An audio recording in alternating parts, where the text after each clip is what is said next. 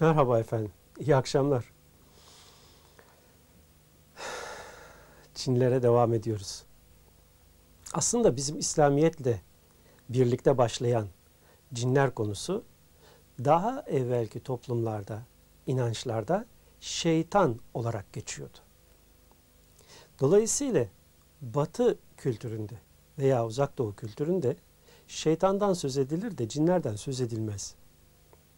Fakat bu şeytan diye bilinen cinlerin konusu ve insan hayatındaki yeri çok önemli olduğu için İslamiyet Kur'an ile insanlara cinlerin varlığını, bazı özelliklerini ve bunlara karşı korunulması gerektiğini yoğun bir biçimde vurgulamak üzere Kur'an'da bu konuya çok önemli bir yer ayırmıştır. Şimdi bir kısım insanlar halktan gelen kuru bilgilere dayanarak şeytan ayrı, cin ayrı zannederler. Halbuki Kehf suresinin 50. ayetinde Adem'e secde etmediği belirlenen, belirtilen iblisin cin olduğunu, cin sınıfından olduğunu vurgulayarak fesecedu illa iblis. Ancak iblis secde etmedi. Kâne minel cin.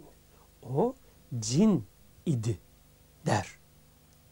Yani iblis bir melek veya cin sınıfı dışında başka bir sınıftan, türden varlık değil, cin türünden olan varlığın vasfı, özelliğine binaen konulmuş bir isimdir.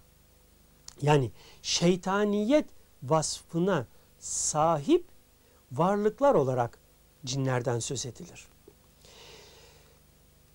Diğer toplumlar şeytan derler cinlere dedim.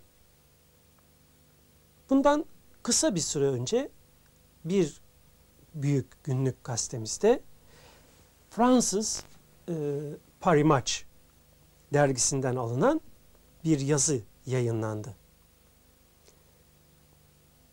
Bizim kendini bilim adamı kabul eden kişilerimiz her ne kadar cin olaylarına inanmasa da bugün batıda bu konu oldukça önemli bir yer tutmakta.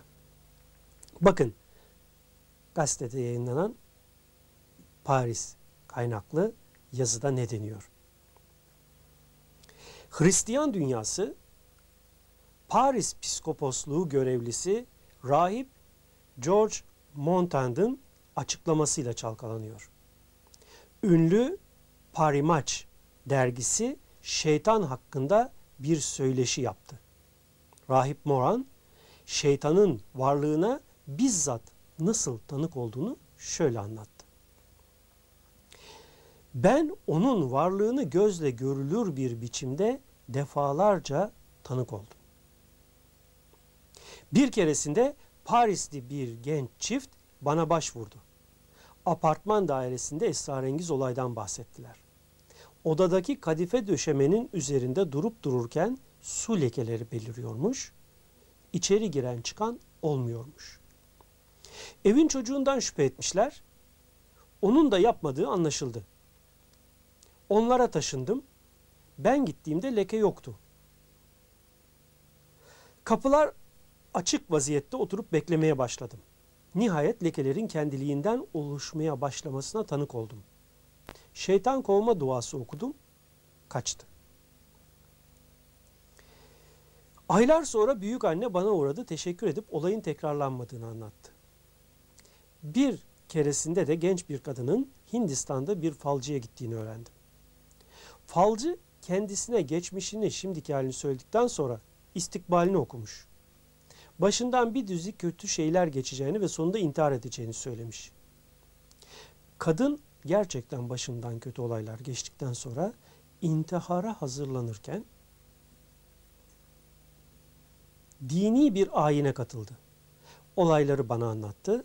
Kendisine yardım ol, yardımcı olduk ve olaylar son buldu. Ben şeytanın tarifini şöyle yaparım diyor rahip ruhsal bir varlıktır. varlığı zamanla bağımlı olarak şekil değiştirmez. Çünkü o zaman evrenine dahil değildir. Yaptıklarımızın dışındadır. Fiziksel bir varlığı olmadığı gibi melekler gibi cinselliği de yoktur. Tamamen ruhtan ibarettir, özgürdür, kıskançlık göstermiş, Tanrı'ya isyan etmiş, karanlık, korkunç ve mahvedici işler yapmıştır. Şimdi batıda çıkan bu yazılar aslında bizim cin olayları dediğimiz olayların ta kendisidir. İnsanlar oldukça önemli bir sayıda bu cinlerin tasallutu baskısı altındadır. Fakat ne yazık ki çevrelerinde ki insanların kendileriyle alay edeceği korkusuyla da bu konuyu fazla açmıyorlar. Dolayısıyla olayların boyutları fark edilmiyor. Eğer bu olaya gerçekçi biçimde